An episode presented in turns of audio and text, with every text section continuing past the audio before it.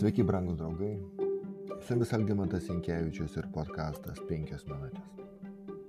Pirma karalių knyga 14 skyrius prasideda tokiais žodžiais. Tuo metu susirgo Jeroboamo sūnus Abija. Jeroboamas tarė savo žmonai, eik, persirenk, kad nebūtumė pažinta, jog esi Jeroboamo žmona ir nueik į Šiloją. Ten gyvena pranašas Ahija, kuris numatė, kad aš būsiu šios tautos karalius. Pasimk dešimt duonos kepalų, keletą tešlainių bei asuoti medaus ir nueik pas jį. Jis tau pasakys, kas nutiks berniukui. Jerobamo žmona taip ir padarė. Tuo metu. Kada buvo tuo metu ir kas buvo tuo metu? Paskaitykime kontekstą ir pasižiūrėkime, ką Biblija mums atskleidžia apie tai, kas buvo tuo metu. Net po, įvy, net po šio įvykio Jeroboamas negrįžo iš savo nedoro kelio, bet ir toliau skyrė kunigus aukštumų alkams iš paprastų žmonių. Kas tik norėjo būti kunigu, būdavo pašventinamas aukštumų alkams. Taip Jeroboamo namai užsitraukė nuodėmę, už kurią turėjo būti sunaikinti ir nušluoti nuo žemės veido. Kas tik norėjo, jis jį pašventino. Tai labai puikiai ir tinkamai skamba ypač šiame amžiuje, kai mes, kabutėsi, tolerantiški viskam, bet kam, net jei tai yra tai, kas veda žmogų į pražūtį. Karalius nediskriminavo.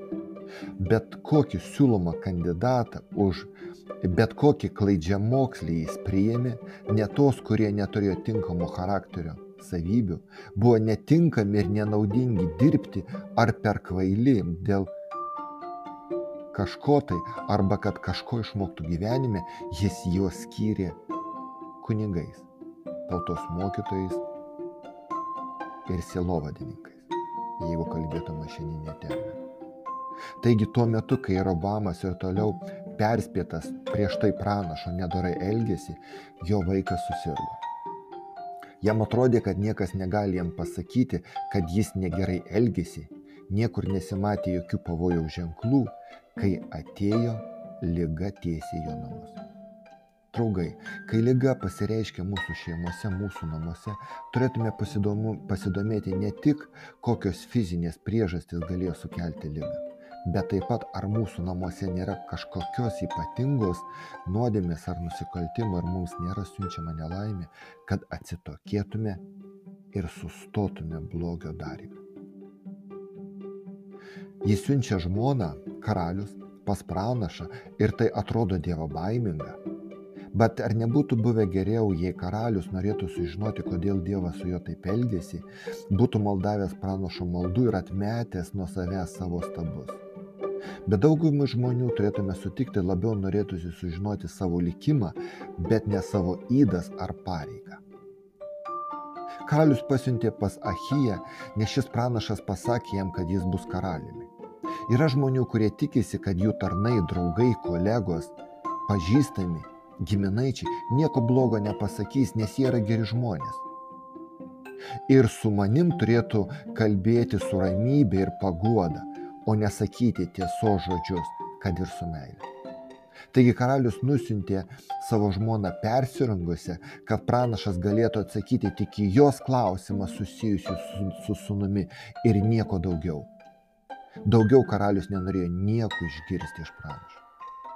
Kai kurie žmonės nori visai apriboti Dievo tarnautojus, kad jie nesirūpintų tuo, kad jiems būtų paskelbtas visas Dievo nutarimas kad tai jiems neišpranašautų nei gėrio, nei blogio. Dievas vertina žmonės pagal tai, kokie jie, net pagal tai, kokie jie mano, kad yra, o pagal tai, kokie jie yra Dievo akise. Abie susirgo.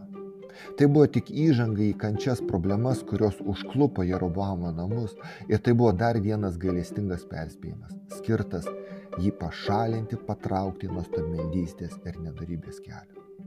Tas įvykis yra pirmasis teismo nuosprendis už jo nepaklusnumą, jo namų sunaikinimo nuo žemės paviršiaus pradžia, jei jis nesustos. Jerobamas negrįžo iš savo blogio kelio. Stameldystė yra kažkas be galo užsispyrusio ir iškrypusio, taip pat akinančio ir keisto susižavėjimo, kuris užpildo asmenį. Visa tai taip apakina asmenį, kad jis vietoje tarnavimo gyvajam Dievui pasirenka kitą kelią. Neseniai Betelėje pranašo paskelbtos pranašystės ir vėliau tai patvirtinantys stebuklai tikrai buvo pakankami, kad karaliaus ir ne tik karaliaus širdis sunerimtų, sunerimtų bet kuri širdis, net labai užsispyrusi. Ir vis dėlto tai neturėjo jokio poveikio Jeroboamui. Jeroboamo valdymo metu įvestas atsimetimas darėsi vis ryškesnis, didesnis, stipresnis, kol galiausiai tai visiškai sugriovė Izraelio karalystę. Dar prieš Jerobamą mirtį Ahyja, jau pagyvenęs pranašas, kuris prieš daugelį metų buvo išpranašavęs Jerobamų įžengimą į sostą, pareiškė.